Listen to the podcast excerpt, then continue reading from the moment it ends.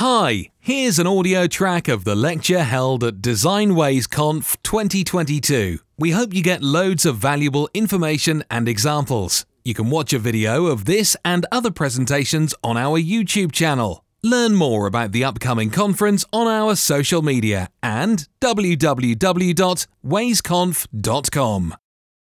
So, uh, hi. Uh, first of all, uh, very happy to see you here. And I would like you to go to, because I want to make it a bit more interactive, so go to menti.com and uh, please type in the code you see there, uh, 21520371, because this will make things just a bit more fun. So if you haven't yet, I'll just give you one more second or a couple of more to actually figure it out. Go to menti.com and then type in the code. So, to make sure that you're there and that you know, uh, and that I know that you're there, please answer the first question because those will be the only ones I'll be asking. Do you like leading, tedious, and or rhetorical questions? I will have them a lot today.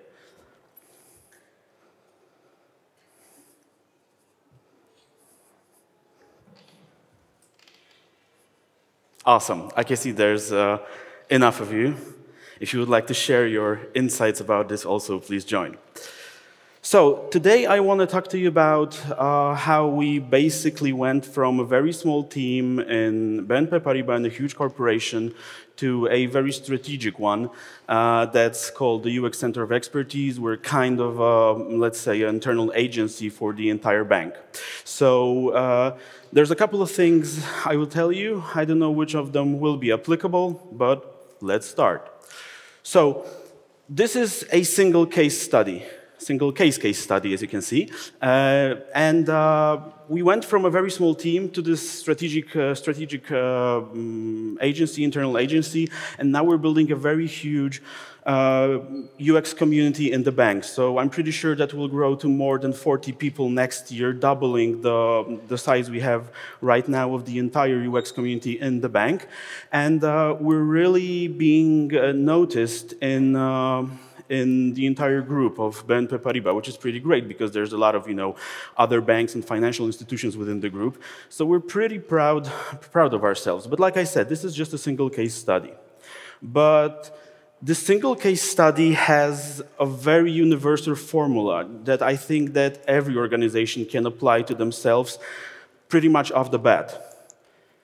And it's this start small, then do stuff, and then becoming the strategic UX center of expertise that ranks as one of the most mature UX teams in the entire BNP Paribas group. And now we are almost doubling our size, building a 40 plus person UX community in BNP Paribas. And this is something that I really, really want to uh, underline here during, uh, during my talk that there is no single approach and no single way to actually uh, do what we did and each and every organization will be very different. You will have completely different uh, set of uh, environmental things when it comes to the entire company, priorities. For example, we started small, but with great potential because we started uh, as a two-person team, but within the digital transformation of the entire bank. And when we started, nobody had any idea what to do with us. We were basically tasked as two people to do design thinking. And that's it. So we had to figure out how to um, navigate in the entire organization. We got like a workshop that was there was like a room under the stairs that basically all the furniture went to die and they moved out all of the furniture and gave it to us and we turned it into a pretty cool workshop also like the carpets there were, I think, kind of magic. They were so old that you know we asked people to to to clean them a lot, but there was like this miasma, just you know, like like bad air from the Middle Ages, just floating next to the floor, and there was nothing to do with it. This was just basically like a shed below the below the uh, below the stairs. But this was the place where we started, and this was the place where we managed to kind of build ourselves from the ground up. And like I said, we started with huge potential, right? But the potential could go in a lot of different directions. And for example, this is something I'll talk about later. Then we were paired with the teams that were doing agile, that were doing data science, that were doing lean management, lean processes. So we were kind of able to leverage the cooperation of those teams. And I know that your circumstances might be completely different in your organizations. So, some general thoughts uh, that will basically guide the entire thing I'll be talking about.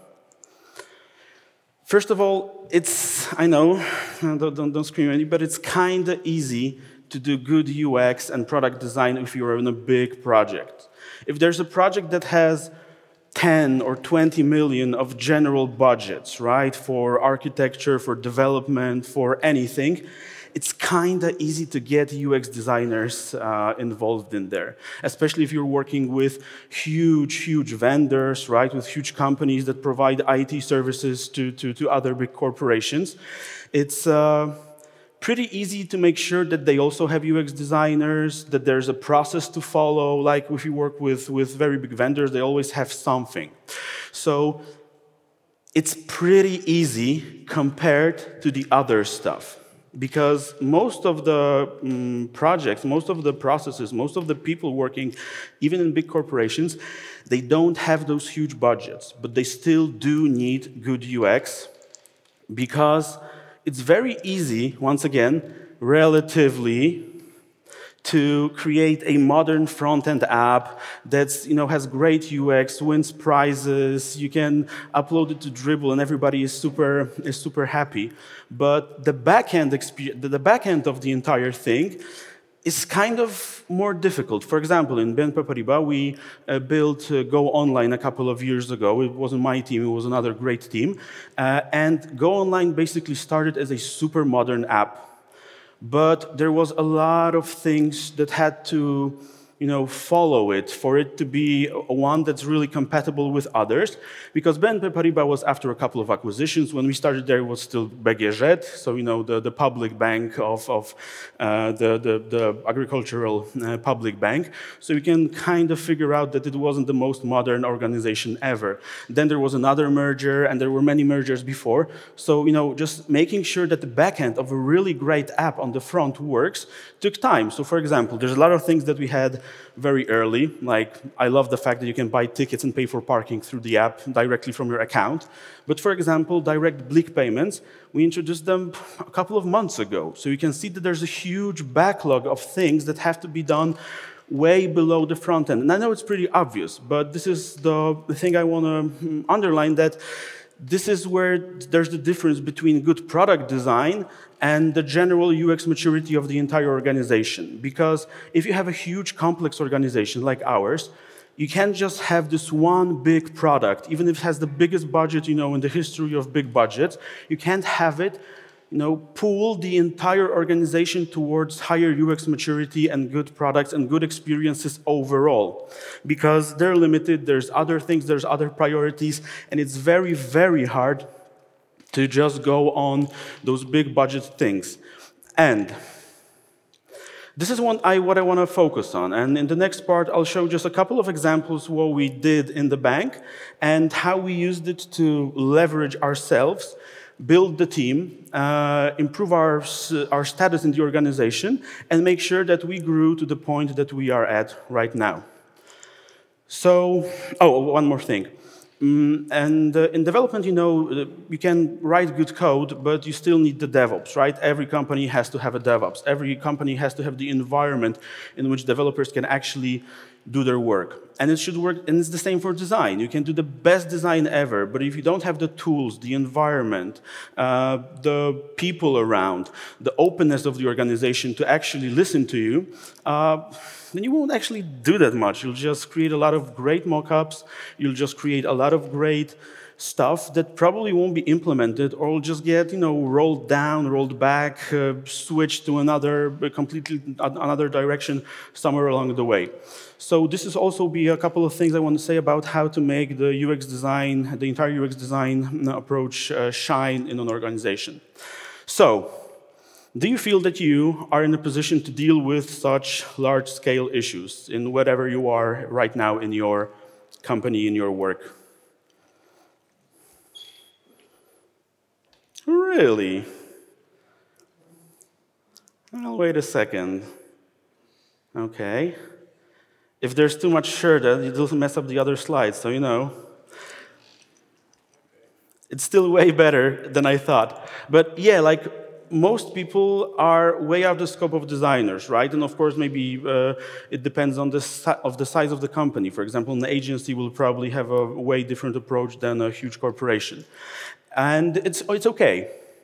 It's fine because it was, was also out of our scope. And I don't want to say that, you know, if we did it, then of course you all can do it, right? It's not this kind of talk. I just want to, want to share with you the things that we did right and we did wrong. So I'll give you some examples. The first thing is, oh yeah, I also have one more question. When you're approaching new, new projects, you know how to assess what work will have the most impact, or it's hard for you to tell if uh, mm, uh, where the impact is and you would like to follow the process you already know?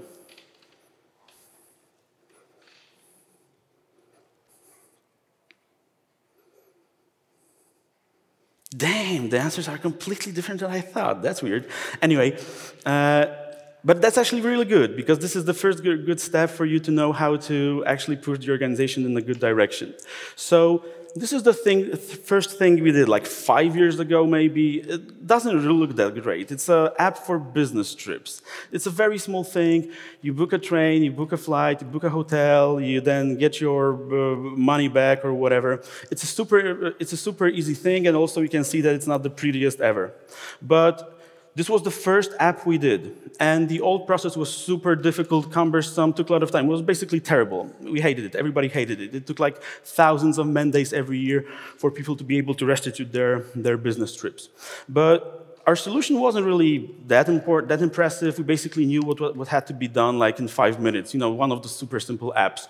But we needed to get some lessons learned about the organization. And the app itself was super basic, but what we did was show that there's the entire process. We had way more workshops than we should have, but then again, we were able to engage people, and they learned about us, and they knew that there are those cool new people who do cool new stuff. So our main goal here wasn't to just design the app. This was super easy.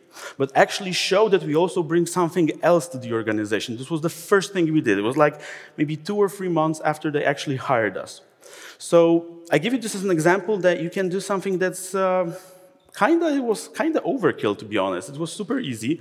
But then again, showing the process for the first time and then having an example for people to show that, listen, we were able to do this and this, and because of that, we were able to create an app that, for example, saved a thousand man days of work that just went into the restitutions in the old systems.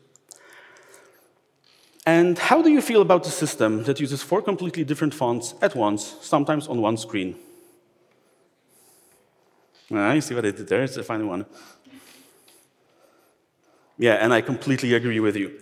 So uh, I want to talk about one of the biggest projects we actually uh, did, which was the front-end tool for the branches. So if you go into a branch of BNP Paribas or call the, call, uh, call the contact center, then you will talk to a person who uses this front desk tool that I will show you. And as you can see, it's a bit of a cluster or something. It's not the, let's say, you probably see a lot of things that should be improved here. But then again, uh, it's enough. For example, like I think three weeks ago, we talked to a person that's responsible for training new employees in the bank who go to the branches. And she said that she loves it and it's the most usable system in the entire bank. So this was really, uh, let's say, a surprise for me because when I look at it, I kind of don't feel really good about showing this to you. But then again, people like it because it's very useful. And uh, what we did with it and what we focused on is we started to standardize the look and feel of all of the bank apps. We knew that this was, will be the biggest one, used by thousands of employees. So we had to use it to show people how we want to design the apps further on. So we also tried to future-proof the design because it was super complicated. This isn't one app. This is like four or five apps glued together from different systems in some microfronts. There's some very weird stuff going on there. And we had to deal with it and we had to future proof it so that, for example, if somebody does another app, that they will know which components to use. Like, for example, that there's a way to actually filter big categories in, in an easy way that's used in another app. There's, this is generally the way that we do lists. So the future proofing was super, super important. And this is when we started building our design system and showing people that look, here are just, let's say, the mockups and the components, but also we started to ask developers to actually give us some code. And of course, it took it took years, but this is the point at, the, at, which it started. And like I said, the designs were they're okay. I mean, could be better, could be worse, but the thing had a huge effect on the entire organization because it was a central system. And also, this is when we started to get uh, questions from other parts of the banks. Could you for example, make for me a system that will look kind of like this one because I like it and people like it. So this was for us a way to push ourselves further, let's say, to the heart of the entire organization. A new thing. Do you know what an RFP is?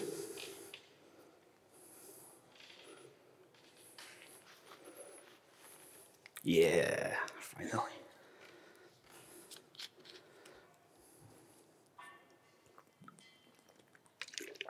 Awesome. Sorry about the sound, it's just how it works. So, uh, this is the system that we are using for claims. If something goes wrong, you call us, you tell us what went wrong. This is the system that your claim will be processed in. As you can see, pretty basic, normal, a lot of usability issues, but it works and people are really happy with it. But the thing why it's important, because we we were able to recognize a pretty cool opportunity. Supporting a product before even, they even went to uh, look for companies to build it.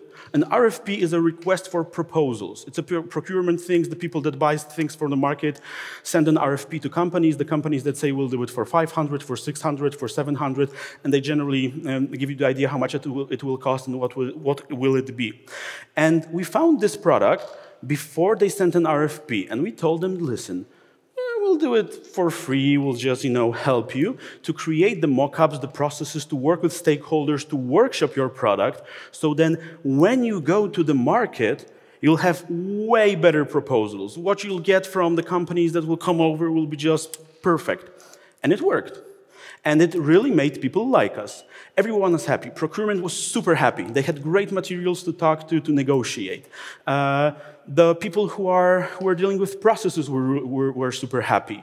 And uh, business was sure it's the right direction, but also we made some friends in procurement because they knew then that if they want to have a simpler process buying complex stuff, they can just call us, we'll workshop it, we'll draw it for them, and then they, go to, they, they can go to the market with way better materials that they ever had.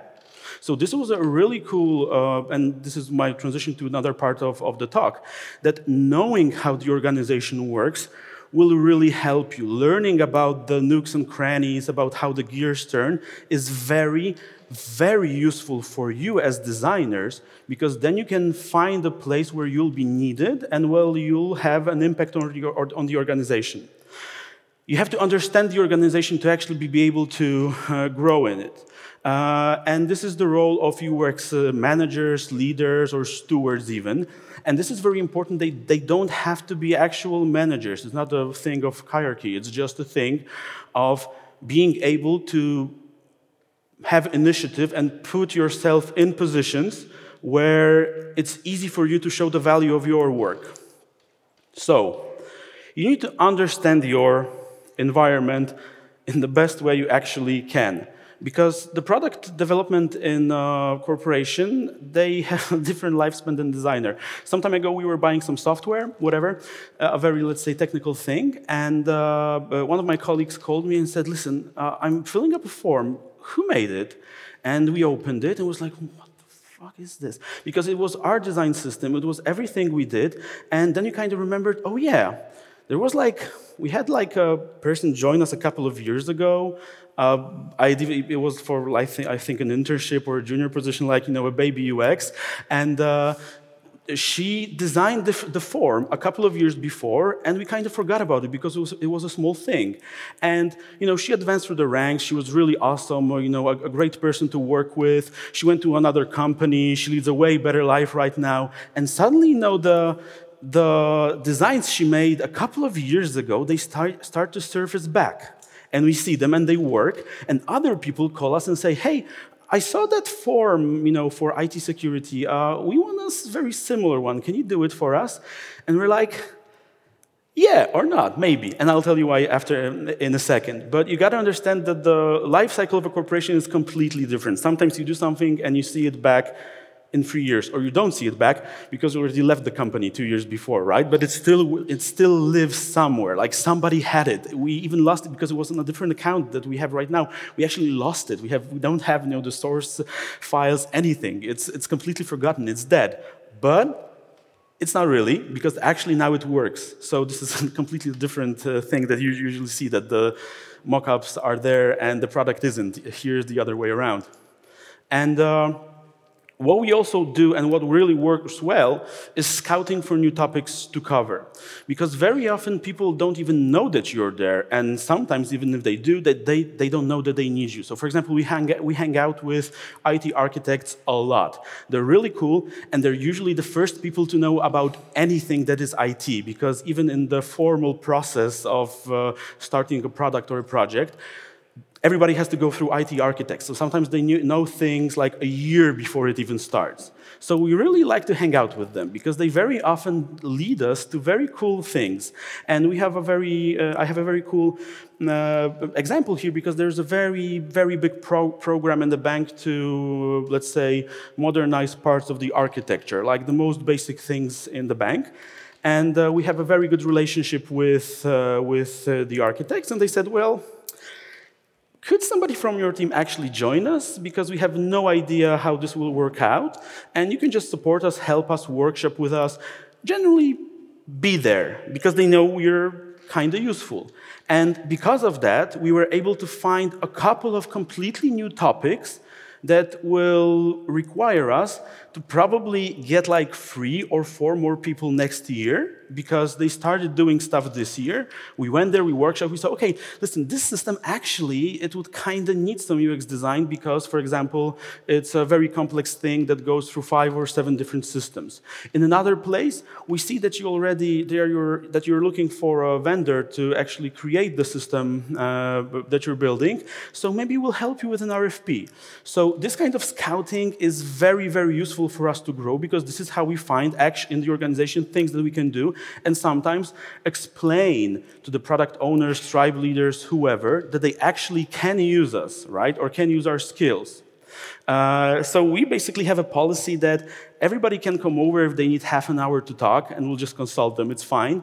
And we'll workshop with anyone. If anybody needs a workshop, two or three hours, I'll always free you. Always get two or three hours with us. You know, the first one is free always. And this allows us to really know the entire organization, but also connect the dots, right? Because as UX designers, we're very often in the middle of very weird things that people don't usually talk to each other. We're doing a form to sell uh, some kind of installment plan, but this goes through another system and through another system and through another system. And we can contact those people with each other and connect them so that they create better products and better experiences. And they wouldn't do it by themselves because you know how it works, how corporations work. So very often we're in a unique position, and this position really allows us to grow. And like I said, this is one of the main things I want to focus on how we actually build a huge, huge uh, center uh, of people who are good at UX. So, You'll also be very, usually you'll be surprised what the organization will value uh, your work for. For example, because you're good at facilitating a workshop, they'll just ask you to come over when they have a problem and help them figure something out. The, sometimes you provide them with, like I remember we did like it took us two hours. We did the most terrible mock-ups of a part of a procurement process possible because they were like they were wrong on possibly every level, but the people we worked, we worked with, they were really happy about it because this actually was the first time that somebody drew anything for them and they were able to uh, show it to the vendors that this is kind of the thing that we like. So you never know what will actually influence other people in your organization and be useful for them. So, uh, have you ever heard that your ideas and what you're proposing to do is great, but there's just not the budget for it?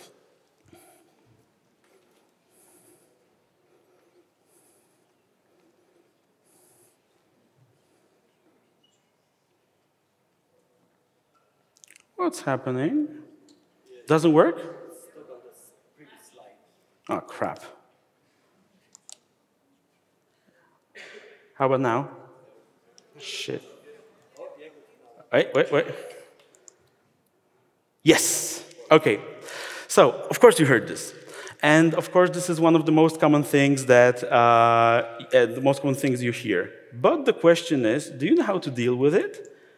Do you know when budgets are divided in your organization?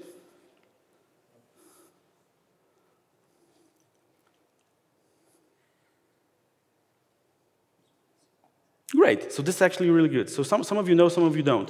For example, uh, uh, I think for us, it's just ended right now.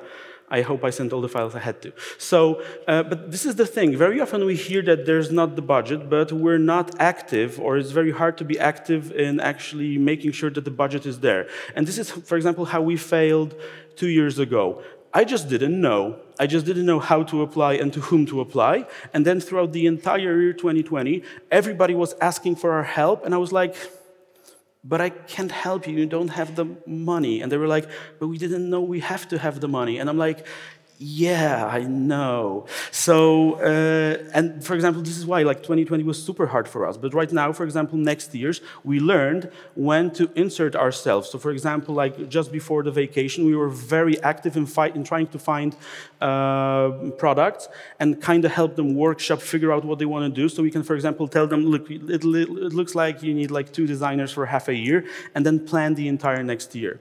So Another thing, if asked, would you know how UX is financed in your organization? Would you be able to help a product owner actually figure out what kind of budgets they have to get, they have to have? And this is also some, something super important from my perspective. That very often, you, for example, hear a product, thanks, you hear a uh, product uh, owner who says that, uh, for example, they have some type of budget, let's say cost group G something that's for external consulting and nothing else. And another product owner has like a capex other costs budget, and somebody else has somebody, something else. And in a couple of occasions, I was kind of able, you know, to connect those people to be able to provide the services because none of them, you know, every one of them had some money, but none of them had the money they actually need for the things they actually needed from us.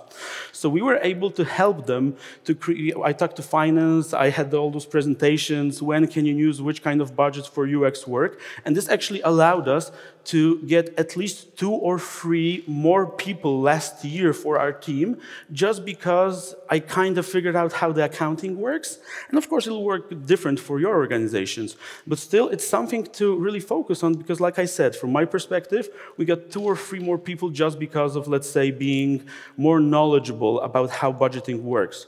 So if you want to grow, you have to learn a bit about the financial side in your organization. It will always be a bit different. But this is something that you kind of have to figure out by yourself. Because if you're, again, proactive and you can support others with it, you'll probably do better, right? I talk a lot about budgets, but you know, that's what it's about, right? You have to have the money to hire the people to do the work. And, uh, I know that you probably need very little of that in your everyday work, right? I also kind of, I mean, I focus on it because that's my job right now. I haven't designed anything in years. Anyway, and, uh, but like in your everyday job, you probably won't need it. And it's fine because this is technical stuff. This is managerial stuff, right? This, is, this isn't stuff you actually need as UX designers. In no way do I want to uh, suggest even that, you know, making sure that design is really perfect, pixel perfect, the process is perfect, that's, a, that's bad. No, no, no, it's, it's needed. You have to have professionals that can actually do the job.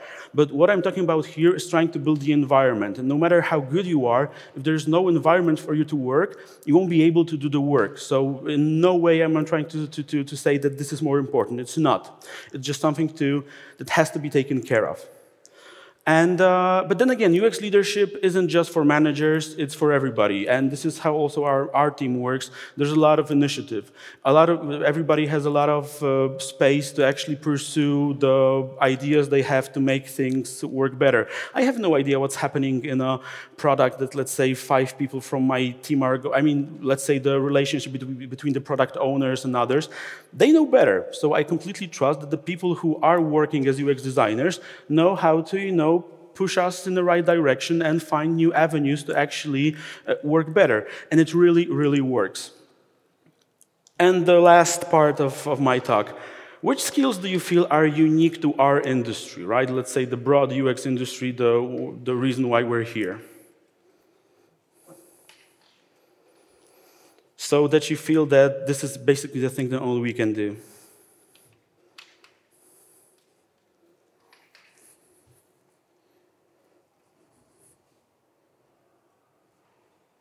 Yeah, I have no opinion about this, by the way. Um, but that's actually really interesting that so many people, for example, say that uh, pick the moderating workshops as the thing that's unique for us since this was something that's happening for the entire uh, history of making business, basically, right? This is something that we actually learn from other people. There are professional moderators that are used in every area of, of uh, industry, business, diplomacy, whatever. But uh, I actually think that there's a couple of things that we are the best at, and I would probably focus more on things like UI design because this is something that you actually have to, to make it work really well. Those are very, very hard skill. But for example, user research, that are companies that do like NPS studies and those general marketing, uh, marketing studies that are really good at it. So to be quite honest, feel I don't really feel that uh, there are things that are super unique for us, and I'll tell you why. Uh, because uh, a lot of the value we just specialize in it. But for example, you can train analysts, product owners and user research to make sure that they have some of it. It won't be the best thing ever, but it'll be pretty good, I guess. You can, uh, you can train people to do, I know, service design, customer journeys, uh, all kinds of stuff like this. A few more minutes, I'll, I'll figure it out, I'll do it. Uh, so you can train them to do this, and they'll be pretty okay with it. So for example, this is a garden I built it's terrible in general, but I like it and it's enough for me. And this is the thing that we kind of learned that user maturity cannot be built just by user experience, design experts. We have to train a lot of people. We, for example, and uh, it's not even because, uh, okay, so it's mainly, it's, okay, it's not mainly, but for example, it's kind of silly for us, like user experience designers with years of experience, to, for example, make 17 versions of the same form that has 12 fields because an analyst wrote a ticket in Jira and we have to go through it. It's kind of better to actually buy the software, give the MacBook, and ask the analyst to do it herself. And we actually have a couple of uh, examples like this. We just basically gave our stuff to the analysts, we trained them a bit, and the work is just better. They work better, they work faster, uh, they don't take very precious time. You know how, how expensive for IT services are for companies. So we basically save money, save time, and make the entire process way more um, efficient. So sometimes I feel you just gotta let go to build the UX maturity of the organization. And uh, a lot of our work is pretty universal. And of course, you might disagree with me as, we, as we've seen on the slide before, but my experience is that it really is. That you can teach people to do the basic stuff very quickly, and they're really good at it, and they really, really like it. For example, we found out that it's way more efficient for us to use external research companies than actually have uh, researchers in our team, because there are other research teams in the bank. And we found out that in our team, the concrete one that, that, that I handle, we don't really need researchers because we have, because we have such good support from our colleagues in other departments that they'll figure it out. We just prepare briefs, we help them, we build mockups for them if they want to do user testing, but we don't really have to do it anymore because the organization itself has matured enough for other teams to be able to, um, to do it. And this is very important because then again, this is something that goes against maybe our interests here, because if we teach others to do the stuff we do, then what are we here for? But this is again the direction I think this is heading because a lot of companies I feel that are doing this, that they see that there's a lot of basic stuff in UX that actually can be done with existing people.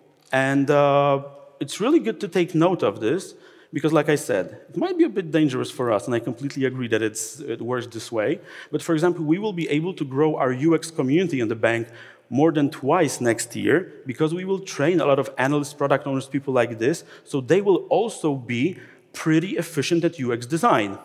So the entire UX maturity of the organization grows. And like I said, I know this might kick us in the ass along the way, but this is just how it's what's you know, most beneficial for the organization, and I feel this is the direction they will go. And uh, key takeaway from the entire thing, sorry about being too long, uh, it's the second step from the universal formula. So, and that's the key to success. And uh, I hope that some of the things I told you might kind of inspire you or show you some ways to grow in your organization, but there's just no way to do it. Uh, I mean, you just got to figure it out, and that's it. And that's the key takeaway. And I hope that something I said here might be helpful for you. But like I said, I have no idea. And that's it. Thanks. If there are any questions, I'm happy to answer them. Kuba Danecki. Rozglądam się po sali, już widzę ręce w górze. Okay, także I can see many questions from the audience. Dobra, pierwsze pytanie. Okay, so the first In Polish question. or in English? Which do you prefer? I don't care. I'm care. here. okay, yeah. Uh, okay, so I wanted to ask you because in my company we have a similar problem right now because our maturity is quite low. That's a problem. And we have a team of 10 people. We work in e commerce. Um, but very often I see things that we could make better, that we could improve. But I see how much effort it will require from us. And I'm afraid of being burnt out. And how to do it, you know, how to uh, increase the maturity of the organization without getting burnt out yourself, because I think it's, it's really difficult. Do you have any advice for that? No, that's a great no, that's a great question. If you figure it out, just tell me. No, but seriously, uh, this is super, uh, super. Uh, th- this is super uh, important, and I have really no idea because there were times where I was like, really, with my resignation coming to the office, and there were times where I was really happy or actually had nothing to do. So I don't feel this is. Uh, there are you, you might find ways to with your initiative to actually maybe lower the workload you have sometimes it will grow I don't have any answer. I survived the worst and I survived the best, and yeah, sorry. All right, thanks. Dalej szukam rąk, tutaj z tyłu Anastazja za tobą. Okay, Tak we jest, keep, tak, uh, do tyłu, do tyłu i po lewej. Getting questions. Okay. I forgot a selfie, sorry. It's important. You do it the Hello, same. Kuba. Thank you for a great presentation. Uh, you were talking about you know incorporating analysts and uh, other people from teams uh, in the UX process, and I think that's a great idea for large-scale processes as yours. But uh, when do you feel is the best time uh, for UX team as an experts to step in and oversee their work?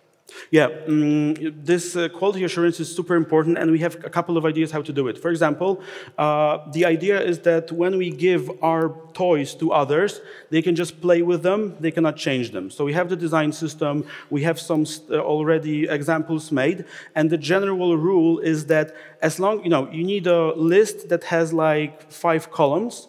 If there's one, take it, you're fine.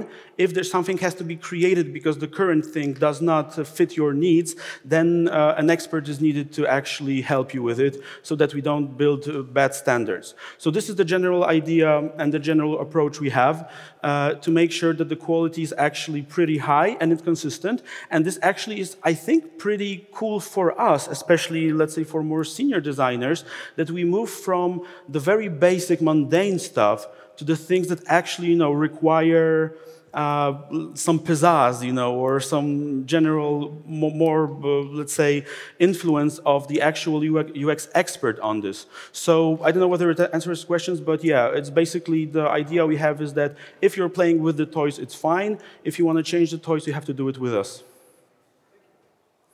Rozbestwiłeś trochę ludzi w internecie, także zadam parę pytań z internetu, Ooh. z Slido. Okay, uh, here are questions from Slido. The first E, question is from Julia. the sanity when delegating UX-related tasks to other non-UX teams? Oh, yeah, this is super important. And uh, since this is a UX conference, I can tell you that it always depends. Uh, because uh, there is no, uh, we see that there is no rule, because some teams use uh, very different types of uh, project management. Some have very huge JIRAs, you know, with every task being divided into a thousand subtasks. Some teams just write each other like, you know, huge emails that nobody reads.